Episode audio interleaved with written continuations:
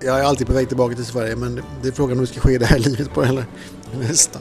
Det säger Bengt Thorsson från Göteborg och det är honom ni ska få höra i samtal om livet idag. Mitt namn är Ann-Sofie Sandström. Jag hade stämt träff med Bengt i Helsingfors en torsdagskväll i slutet av mars. Han skulle komma direkt från jobbet men kunde inte säga exakt vilken tid. Så jag satt och väntade på honom i hotellbaren. När han kommer verkar han lite trött. Har du haft en jättejobbig dag? Nej, jag sov lite dåligt i natt. Var på jobbet natt? Ja. Jag förlöste klockan, eller jag förlöste verkligen inte, det, men jag var inkallad såsom jourhavande barnläkare. För det skulle förlösas oförhappandes tvillingarna klockan ungefär 3.30 ringde de mig i natt. Jag sov kanske tre timmar. Nu går jag och köper någonting att dricka. Vad vill du ha? Bengt har inte hunnit äta så vi kollar ifall det skulle gå att få någon mat vid bardisken. Det går inte. Men nötter får duga. Det har hunnit bli lite stökigt medan jag väntar och man borde kanske ha uppsökt en lugnare inspelningsplats. Men det verkar inte vara läge att börja släpa en hungrig och trött man runt stan. Jag ska se om det alls går att göra någonting. Säg någonting. Ja, jag säger här att jag heter Bengt, hej. Ska du börja direkt nu? Ja, Jag klipper ju sen. Ja. Du får tugga först. Choklad. Vi träffades 91 va? Nej. 90? 92? Tre. Två så. Jag lärde känna Bengt Thorsson i början av 90-talet då jag själv bodde i Helsingfors en kortare tid. På den tiden jobbade han som skådespelare. Sen flyttade jag bort från stan och följande gång jag såg honom var på TV i Anders Engströms serie Småstadsberättelser där Bengt hade en liten roll som läkare. Sen snart tio år tillbaka jobbar Bengt som läkare.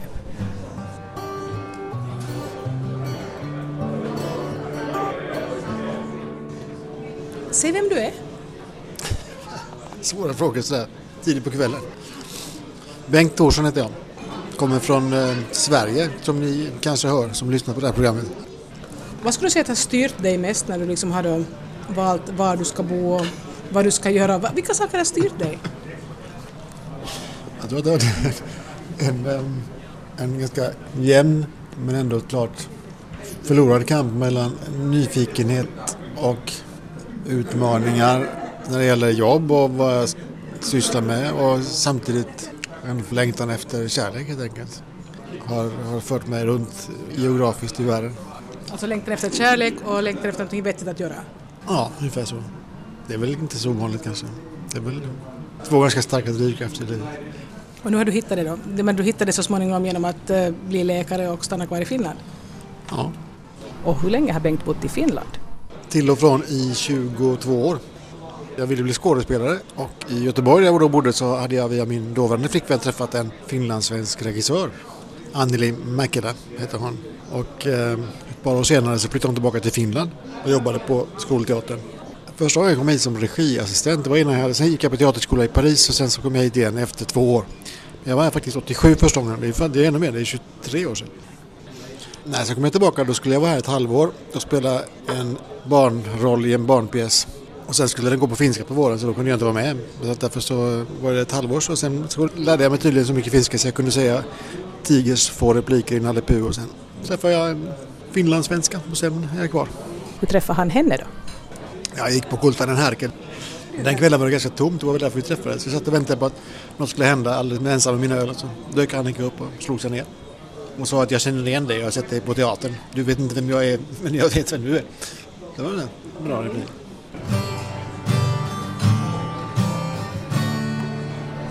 Det var, du ville bli skådespelare och det blev du i något skede. Nu missar jag, i vilket skede var du i Paris och studerade någonting? Jag sökte till scenskolan i Sverige ett antal gånger och kom inte in. Och så hade jag en kompis på Studentteatern i Göteborg som hade hört talas om en skola i Paris som heter École Jacques Lecoq. Som var en häftig skola tyckte han. Och så träffade vi några som hade varit där och så berättade de hur fantastiskt spännande skola det var. Så bestämde vi oss för att okej, vi far dit då. Alltså, kunde du franska då? Ja, jag hade ju läst franska i skolan två år på gymnasiet. Nej, men det, vi visste att det var en skola som eh, var inriktad på, åtminstone första året, väldigt mycket på icke-språklig teater. Inte pantomim, men, men liksom så att eh, fysiska uttryck mer än, mer än textarbete. Sen nästa år, efter ett år, skulle man få börja med text då, på franska. Då på 90-talet när jag lärde känna Bengt och han jobbade som skådespelare så fick jag också veta att han i något skede hade studerat medicin men hoppat av. Så När började du liksom studera till läkare första gången? 1981. Och varför slutade han med det? Därför att jag blev eh, akut deprimerad måste jag väl säga om jag tittar tillbaka. Men Varför det? det vet jag inte riktigt. Då trodde jag väl att det var för att jag tyckte studierna var fruktansvärt tråkiga. Sen när jag, Var det det då? nej, ja, det var det väl också men sen så flyttade jag tillbaka till Umeå och började studera igen. Jag studerade i Umeå. Och, och, det, Alltså första gången studerade du också första gången i Umeå? och sen kom jag tillbaka till Umeå och sen insåg jag när det började bli mörkt och, och jul och januari och så att det här med mörkret kanske hade någon slags eh, liksom medverkan till att jag mådde så. Att det var inte studien utan det var... Ja, nej, det var snarare mörkret. Alltså jag är känslig för mörkret. Bengt Thorsson avbröt sina studier efter två år och i det skedet hade han inga planer på att återuppta dem. Vad var det som fick dig att sen då plötsligt efter 12 år gå tillbaka till det som du hade gjort tidigare? På den frågan har jag tio olika svar som är fullständigt eh, okompatibla med varandra. Eh, Jag vill tillbaka till Sverige, är ett svar. Under... Umeå, men du var ju inte ens från Umeå. Nej, nej, men jag ville tillbaka till Sverige och mina armbågar räckte inte riktigt till för att ta sig tillbaka till Sverige och söka jobb som skådespelare omedelbart. Men samtidigt så, så ramlade jag ner från taket på teatern och bröt bägge armarna i ett skede. Och då var jag mycket på sjukhus, naturligt nog. Så då satt jag där och, tänkte och funderade, fan det verkade lite kul ut det här. De här ortopederna gick där och la benen till rätta och höll på. Så jag fick någon sån här känsla att det kanske ändå skulle vara kul här. Vad var det mer för olika förklaringar? Nja, det finns det väl naturligtvis alltid förklaringar som mer hänger samman med vad som förväntas eller förväntades av mig i livet av mina föräldrar och så här. Det var ju läkare. Så att, någon känsla av att återkomma till någon slags mera förväntade banor i livet och. Men i vilket skede hade då Bengt Thorsson kommit på att han ville bli skådespelare?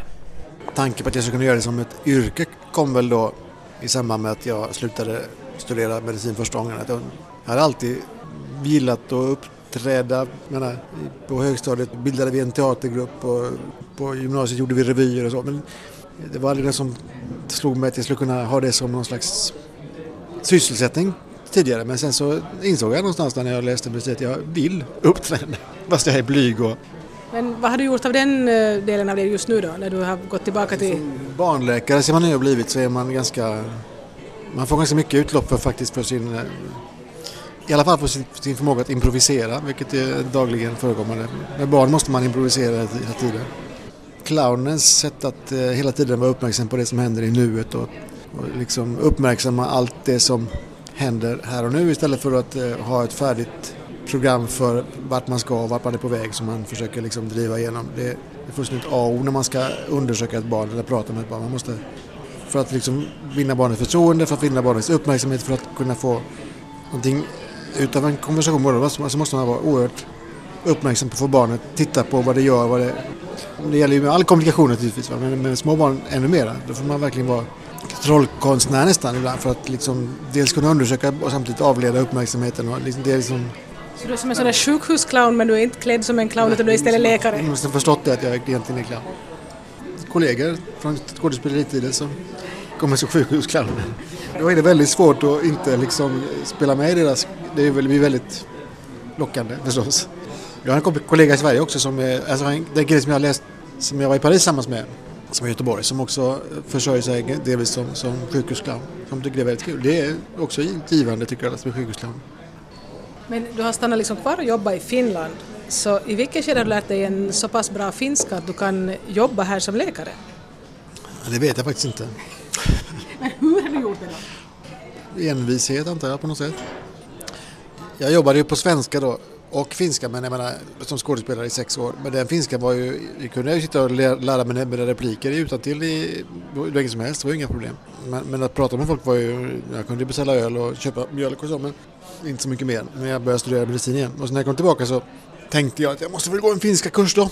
Och så gick jag en kurs på jag jobbade i Stockholm, jag hade slutat läsa medicin i Umeå och flyttade till Stockholm där jag försökte få en så kallad AT som är sina första två år i Sverige som doktor. För jag tänkte att jag kan ju inte jobba i Finland för jag kan ju inte finska. Och så, och så tänkte jag, för att börja lära mig finska då, så åkte jag, tog jag en fempoängskurs på universitetet i Uppsala, som halvsvår nivå. Dit kom då mest andra generationens finländare med, alltså med finska som modersmål, som hade liksom tappat bort sitt modersmål lite grann. Alltså som hade kanske pratat finska hemma men som, men som inte hade lärt sig skriva finska någonsin.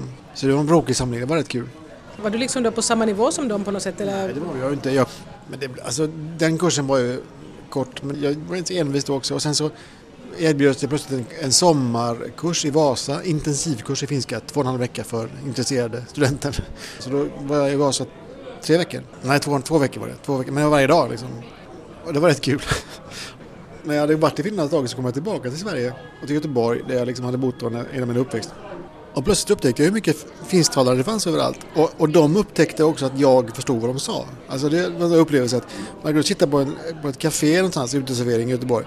Och så plötsligt så, någon satt och lyssnade liksom på någon finsk konversation med sidan och så fattade de plötsligt att man så, och då liksom, hej, Putko Suomia! Och så liksom, så jätte så här, massa småbarn kunde gå fram, hej, Sömre Tammasen Suomia!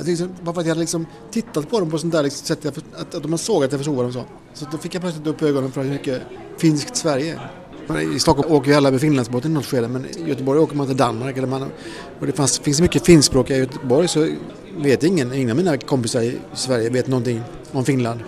Till synes. Jag var på en klassträff för min gamla grundskoleklass här i höstas. Nej, förra hösten. Vi har träffats vart femte år sen vi gick ut skolan. Det är jättekul. Vi har en pågående lång fest som avbryts av fem långa tråkiga år emellan. Men så fortsätter festen och så pratar vi om samma saker. Man tar upp gamla diskussioner och det fortsätter. Nu var det för första gången en tjej som hade kommit in i sjuan och varit ganska tyst och kanske inte mobbar men ändå haft det lite tufft tror jag i klassen då. Jag kände henne inte egentligen. Vi skulle berätta om oss själva som alltid någon kommer på att man ska göra i Sverige. Så tog jag en lång halang på finska då, tänkte jag för att pigga upp sällskapet. Varpå då den här tjejen som jag inte hade en aning om att hon hade finska rötter naturligtvis visade sig ha en finsk pappa och en svensk mamma som förstod precis vad jag sa. Det är ju så att Sverige är koloniserat av Finland men det vet inte svenskarna om som tur är. Eftersom alla finnar i Sverige pratar hyfsat svenska så märker de inte det att det finns en massa finnar överallt som egentligen har tagit över. Så det finns en underjordisk finsk verksamhet i Sverige som och du är liksom på något vis medlem där? Omvänd medlem där på något underligt sätt. Så du är lite speciell på det sättet? Ja. Och Bengt är tydligen speciell i förhållande till Finland också på ett annat sätt. Ja, jag, läst, jag hade ju läst Fältstjärnsberättelser i gymnasiet. Du hade det? Jag fick av min pappa när jag var nio år. Han hade läst den när han var liten. Och han läste den i samband med vinterkriget tror jag. Det var en enorm... I, i, i Sverige fanns det en enorm sympati för Finland under kriget. Det tror jag inte man fattar riktigt i Finland. Men min pappa hade eh, i sin bokhylla upptäckte jag när jag var där och läste. När jag var där och bodde i hans pojkrum någon gång när jag var i tonåren så hittade jag en liten bok som hette Finlands blåvita bok på svenska. Som var vinterkrigets historia. Och där stod det om eh, Kosinen och Terijoki i regeringen och hur ryssarna avancerade hela politiska historien. Jag läste när jag var 15. Så det verkar som om Bengt Thorsson från Göteborg skulle varit mera påläst när det gäller Finland än vad många finländare är. Mm, man undrar ju hur ödet styr ens konstiga val av... Jag sa åt Bengt att de som tror på reinkarnation antagligen skulle säga att han har varit finne i sitt tidigare liv. Ja, de här som tror på reinkarnation säger väl att vi har haft en sådär åtminstone en normalperson har haft eh, åtminstone 200 000 tidigare existenser. Så att man kanske har haft ganska många i Finland då? Man kanske har hunnit med ganska många olika existenser i olika delar av världen i och för sig. Har du något minne av något sådana då? Nej. Bengt verkar inte tro att det är någonting sånt som har styrt honom till Finland, utan han har en mycket mer praktisk förklaring. Jag fick jobb här. Jag hade gått i skola i Paris. Det hade gått tre veckor på sommaren efter att jag hade kommit hem till Sverige. Jag hade ingen aning vad jag skulle göra. Jag ville spela teater. Och då ringde Anneli Mäkelä, teaterchef numera då på skolteatern utanför Helsingfors och säger att Hej! Det är Anneli. Ja, vill du komma hit? Ja, ja vill du spela Tiger i Aleppo? Bestäm dig! Du får en timme på dig att bestämma dig. Tiger i Aleppo? Ja. Få en halvårs anställning och spela teater var ju fantastiskt. Du kom till Finland som Tiger i Aleppo mm. och sen har det bara fortsatt? Med avbrott för studier av medicin i Umeå under fyra år. Då. Men i vilket skede förstod du att du skulle stanna kvar här? Att du det var nu Finland som gällde för dig alltså? Jag är, alltid på väg tillbaka till Sverige men det är frågan om det ska ske det här livet på eller nästa. Kvinnor är starkare än män. Eh, dragkrampen slutade med kvinnlig seger kan man väl säga. Så du försökte dra din kvinna till Sverige men det lyckades ja, inte? Var det, så? Alltså, det finns andra orsaker också. Det barn och så. Tidigare barn och barnens tidigare relationer. Det är svårt att flytta på. Det finns folk som håller på att flytta sina barn hur mycket som helst. Ja. Men då förlorar de ju om de har andra relationer som de måste ge upp så blir det lite tufft.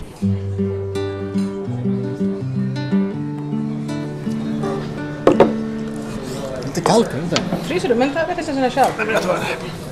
Men det där, när du liksom var liten, gick du omkring och tänkte på att du skulle ha något av de här yrkena som du har idag? Eller var det något helt annat du hade tänkt göra? Jag, jag tänkte aldrig på vad jag skulle bli när jag var liten på det konkreta sättet. Jag jobbade på en stor bondgård på somrarna eh, under min tonårstid och tyckte agronom eller något sånt där. Jag, menar, jag, skulle, jag skulle läsa vidare då, det hade jag ju, visste jag ju på något sätt eftersom jag var jätteduktig i skolan och, och hade lätt för mig. Så, och då ska man då bli bonde så var det ju liksom agronom som man kunde läsa vidare. Så. Men, men eh, sen var vi på studiebesök på Lantbrukshögskolan i Ultuna utanför Uppsala. Det verkade så urtråkigt där så jag tänkte det här kan jag ju inte hålla på. Så, att...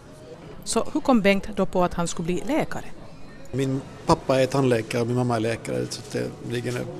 Pappa ville egentligen bli läkare fast han blev tandläkare. Så folk blir inte alltid det som de vill. Men jag förvånar mig att folk överhuvudtaget vet vad de vill bli. Alltså det är det som jag tycker är så fascinerande. Ja, kanske man vet vad man skulle ha velat bli tror man och så tänker man att det ska ens barn bli istället. Det är väl inte så ovanligt. Det finns de som säger att eh, antingen gör man det som ens föräldrar inte vill att man ska göra eller också gör man det som föräldrar vill att man ska göra. Om man har föräldrar som vill att man ska göra någonting. Och har man föräldrar som inte har något speciellt intresse för att man ska göra något speciellt så blir man säkert förvirrad över det också. Man undrar vad vill de egentligen, mina föräldrar? Var det någonsin viktigt för dig att, det där, att man som läkare förtjänar mer än som skådespelare? Nej men det är väldigt praktiskt.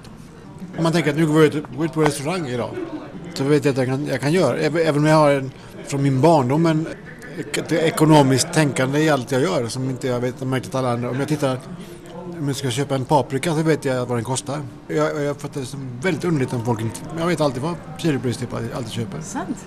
Och det trodde jag att alla visste men när jag upplevde så är det inte i livet. Jag förstår inte sånt tänkande att man inte vet det. Men för mig var det då en ny upplevelse att så småningom ha så pass mycket pengar på sitt konto så att man kan tänka att jag går ut och äter nu och jag behöver inte bekymra mig om hur jag har råd eller inte. Vilket var en ny upplevelse. Jag kan tänka mig att som eh, skådespelare så var det mera på det sättet, att du måste tänka efter lite. Jag gick vi ut och drack öl i alla fall men, men jag visste ju att pengarna tog slut ganska snart. Det, var, det är också en ny upplevelse, att pengarna inte tar slut varje månad nödvändigtvis. Blir man lyckligare av att ha bättre lön då? det tror jag inte. Lyckligare blir man säkert inte. Jag är ju väldigt ekonomiskt eh, orolig. Jag, när det börjar kännas tomt på, när man stoppar in kortet i eh, apparaten och så får man reda på att man har bara 1300 kvar på kontot och då känns det som nu är det dystra tider. Jag har faktiskt tagit ett lån för första gången i mitt liv. Jag tog ett lån för, för att betala hälften av en bil. Jag gick på banken då. Som tur hade jag min Annika med mig för att jag har haft jobb här i snart tio år men jag har ingen fast anställning så de det får man ju inte riktigt låna på banken om man inte har fast anställning. Men du har ingen fast anställning? Nej. Det är lite skrämmande tycker jag med fast anställning.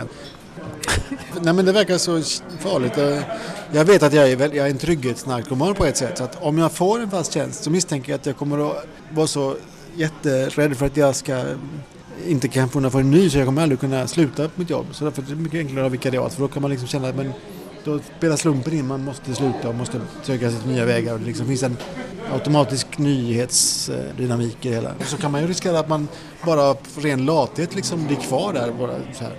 Ja, men det, det, jag, är, jag är livrädd för att binda mig. Jag menar, jag var tillsammans med Annika i snart 20 år, vi är inte gifta. Det som Bengt säger här så det stämmer inte längre. För i slutet av juni så gifte sig Bengt Thorsson med Annika Hellsten. Så nu är de gifta. Och när jag tidigare i veckan ringde upp Bengt så fick jag också veta att han från och med 1 september har fått en fast tjänst på barnkliniken som allmän barnläkare. Så han har tydligen lyckats övervinna sin rädsla för att binda sig. Okej, men hur gick det med det här lånet som ni skulle ta då? Fick ja, vi fick ett lån och nu har jag ett lån. Det, är väldigt, det stör mig väldigt det här med lånet. Det står det? Ja. Det ska betalas av på två, två år ska det betalas bort så att jag sen är fri. fri.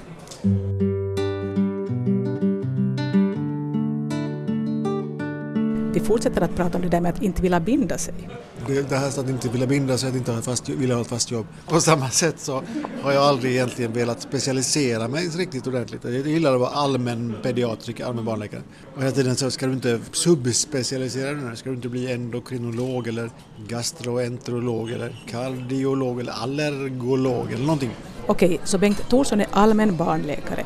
Men hur kommer det sig att han blev just barnläkare? Dels hade jag ju hållit med barnteater. och sen var jag ju väldigt eh, länge motståndare till att bli vuxen överhuvudtaget. Hur länge? Själv. Ja, nu senaste tio åren har jag ansträngt mig för att kanske ändå bli vuxen men jag lyckas inte så bra sådär riktigt tror jag. Och det kanske beror på att jag tror att vuxen är något annat än vad jag är. Men hur ja, vad tror du att vuxen är alltså? Ja, vuxen är liksom att vilja ha ett fast jobb på binda sig och subspecialisera sig och så. Att inse att livet inte har obegränsade möjligheter. Hela tiden utan att de faktiskt att man mår bra av att välja vissa saker kanske då. Att inte vilja liksom ha alla dörrar öppna i livet igenom. Vad hände för tio år sedan som fick dig att liksom försöka börja sträva mot att bli vuxen? Det vet jag inte riktigt. Var det bara åldern som kom emot? Oj, jag är över 40, jag kanske borde bli vuxen. 50 var det väl, ja, det är ju inte mer än två år sedan å andra sidan kanske. Det kanske är bara två år jag vill bli vuxen egentligen. Men, men insikten att, att livet tar nog slut i något skede gör ju att man kanske tycker att de verkar ha rätt kul som specialiserar sig på någonting också och binder sig vid någonting. De liksom... Så du menar att insikten om livets ändlighet fick dig att lite ändra inställning till det här med att bli vuxen? Ja. Nöjdhet är ett sådant begrepp som är lite fånigt. Man ska vara nöjd, det kan man inte vara. Man ska alltid vara hungrig efter något nytt. Va? Här brister jag ut i en lång harang om hur mycket jag hatar det här med att alltid måste ha nya versioner av allting, nya uppdateringar på datorn, nya telefoner, nya maskiner, nytt, nytt, nytt. Jag vill inte ha någonting nytt om det gamla funkar. Jag, jag är likadan. Jag har min gamla dator som jag försöker nu, jag går in på Ebay och försöker hitta den, den, den lilla uppdateringen på min dator som kom ut 2006 som inte längre går att köpa men som skulle göra att min dator kanske fungerade lite snabbare så jag skulle kunna behålla den ett år till utan att köpa en ny. Du vill inte heller ha liksom det här ständiga nya, nya, nya? Nej, mitt liv har nog varit mer så att jag gör någon slags nyorientering sådär var tionde år och sen så är jag, en, jag är ganska envis också. Och när vi nu än en gång kom in på det här med envishet så berättar Bengt Thorsson för mig ingående om ett personlighetstest som han bekantade sig med när han läste psykiatri då när han studerade till läkare. Ett test som Bengt säger att han själv inte vågar göra. Envishet var liksom en sån där egenskap som var om alla de andra parametrarna var bra, om man hade liksom en balanserad personlighet och förmåga att fatta beslut på rätt ställe och veta vart man ville och så, då var ju envishet jättebra. För då fick man, det var ju en bonus, då var man på väg åt någonstans man vet, man vet att jag är på väg åt det här hållet, dit vill jag, då är det bra att vara envis. Men om man är på väg åt Tjotahejti så är det ju inte bra att vara envis, för då håller man ju på alldeles för länge med det. Om man är anorektiker så är det en dålig egenskap att dessutom vara envis till exempel. Det är ett typiskt exempel på att envishet är dåligt om man är på väg åt fel håll. Vad fick du det testet då? Nej, jag gjorde inte den här testen för jag tänkte att jag vågar inte göra testet. Vad var du rädd för att du skulle hitta det då? Nej, det vet jag inte riktigt. Här är jag nu i Finland alltså. Konklusionen.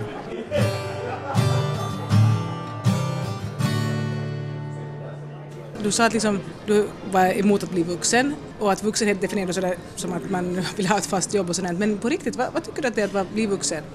Jag tror inte att jag har något emot att bli vuxen. Jag tror att jag enkelt vill bli vuxen men jag har inte vågat kanske bli vuxen helt enkelt. Jag tror att jag har gett upp tanken på att bli vuxen på det sättet som jag trodde att man skulle bli. Jag tror att jag associerade att bli vuxen med allting tråkigt i livet. Så, och då är det klart att det var ju kul att bli vuxen. Det som jag kanske längtar mest efter det är väl snarare någon slags ökad självkännedom då, om man ska säga så. Jag minns att en av mina bättre, äldsta kompisar i Sverige sa någon gång när jag var i 30-årsåldern att ja, numera kan man ju se dina konturer. Så när jag träffade dig för tio år sedan då var du som ett moln. Så att det är rädslan för att definiera sig tror jag har varit... Men du lyckades ju bestämma dig faktiskt för att du ville bli läkare. Så du, i något skede tycks du ha tagit något sorts beslut att du liksom, det här vill jag göra? Men jag har nog aldrig upplevt, varken som skådespelare eller läkare eller något annat, jag har gjort liv att jag är. Nu, numera säger jag att jag är läkare men hemskt länge och fortfarande skulle jag, skulle jag vilja säga att jag jobbar som skådespelare, eller jag jobbar som läkare. Och, och, och det, det, är ingen sån där fin grej med att jag egentligen är människa och bara jobbar. Det har inget med det att göra utan det har att göra med att det finns läkare och så finns det jag som liksom jobbar som läkare. Det är på något sätt en... Men du har ju skaffat dig din eh, läkarutbildning så du är ju läkare. Kulle. Jag har inte, jag har inte lika stora problem att säga att jag är läkare nu som jag hade för tio år sedan jag blev färdig. Men, och det kan till och med vara lite stolt sådär ibland att jag har faktiskt lyckats ända hit på finska och allt. Men Bengt Thorsson nämnde här just att han strävar efter ökad självkännedom. Jag har upplevt mig, jag upplevde mig själv när jag var liten och när jag växte upp som tonåring som ganska räddhågsen och, och, lite så här feg jämfört med många av mina kompisar som alltid var mycket modigare än jag i tonåren. De gjorde uppror med sina föräldrar och de liksom tågade iväg mot framtiden med stora steg. Men ändå har han till sin egen förvåning märkt att han har blivit en sån person som antar nästan omöjliga utmaningar. När jag, när jag började jobba i Helsingfors och jag var tvungen att prata finska som jag inte kunde och så var jag jour och när man träffar folk som man kan titta i ögonen så kan man ofta kommunicera med även dåligt språk. Man kan slänga in ett engelskt ord eller ett svenskt ord eller det liksom man kan säga att ni mm. förstår det. Men då ringer någon läkare från hälsocentralen någonstans utanför stan och ska konsultera barnläkarjouren. Och en finsk läkare är alltid effektiv och har då läst på sin, sin patient som han ska presentera och rabblar upp fakta om den här patienten i raketfart på finska på telefon. Där. Och så vill de ha ett svar, vad ska jag göra med den här patienten? Och så får man då säga anteeksi eh, en puhu niin hyvin suomea, voisitko ehkä puhua vähän hitaammin? Så gör de det då och så kan man liksom på något sätt dechiffrera det här.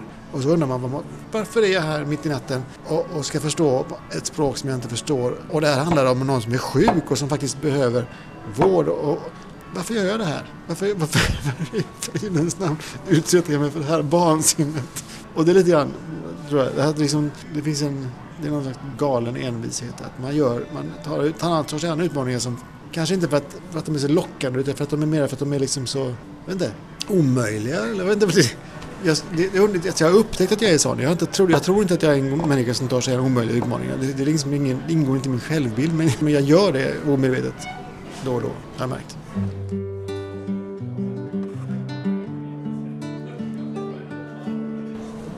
Det här att bli barnläkare, det tänkte jag fråga dig förut. Att när man läser medicin så går man ju runt på olika kurser. Man läste först allmänna ämnen som anatomi, histologi och kemi och sånt. Men sen så börjar man gå på mera speciella kurser. Då läser man liksom invärtesmedicin ett halvår, sen läser man kirurgi, sen läser man ortopedi, sen läser man anestesi, sen läser man öron, läser hals.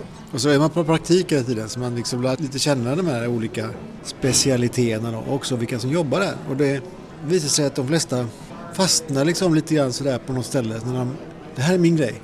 Inte bara för att det är kul med det själva ämnet utan också för att de här som är här, det är sådana som jag. Alltså, så, jag tror att barnläkare trivs med barnläkare.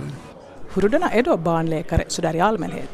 Ja, de är lite björnfarbroraktigt lekfulla sådär. Ortopederna de, de gillade att snickra, de pratade bara om sin sommarstuga, hur de hade byggt och vad de hade för fasadbeläggningar. Det var liksom ett ständigt hopplockande och mixtrande och så här. Helt klart, det var så umgängessättet bland barnläkare tilltalade mig. Om man säger så. Är det liksom mera sympatiskt? Nej, nej ja, för mig. Kirurger tycker att kirurger är mer sympatiska och så vidare. Men, Men om du inte skulle vara barnläkare, vad skulle du i så fall vara? Läkare. Eller, Yrke? No, överhuvudtaget? Skådespelare. Barnläkare eller skådespelare? Ja, det tror jag. Nu, som det känns nu. Mm. Och hur stor är sannolikheten att Bengt Thorsson byter tillbaka från läkare till skådespelare? 50 procent, skulle jag tro.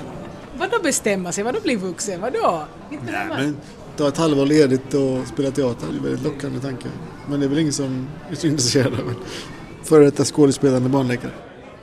För att ännu återgå till det som vi talade om tidigare så frågar jag Bengt Thorsson om han nu när han ändå är 52 år gammal känner sig vuxen.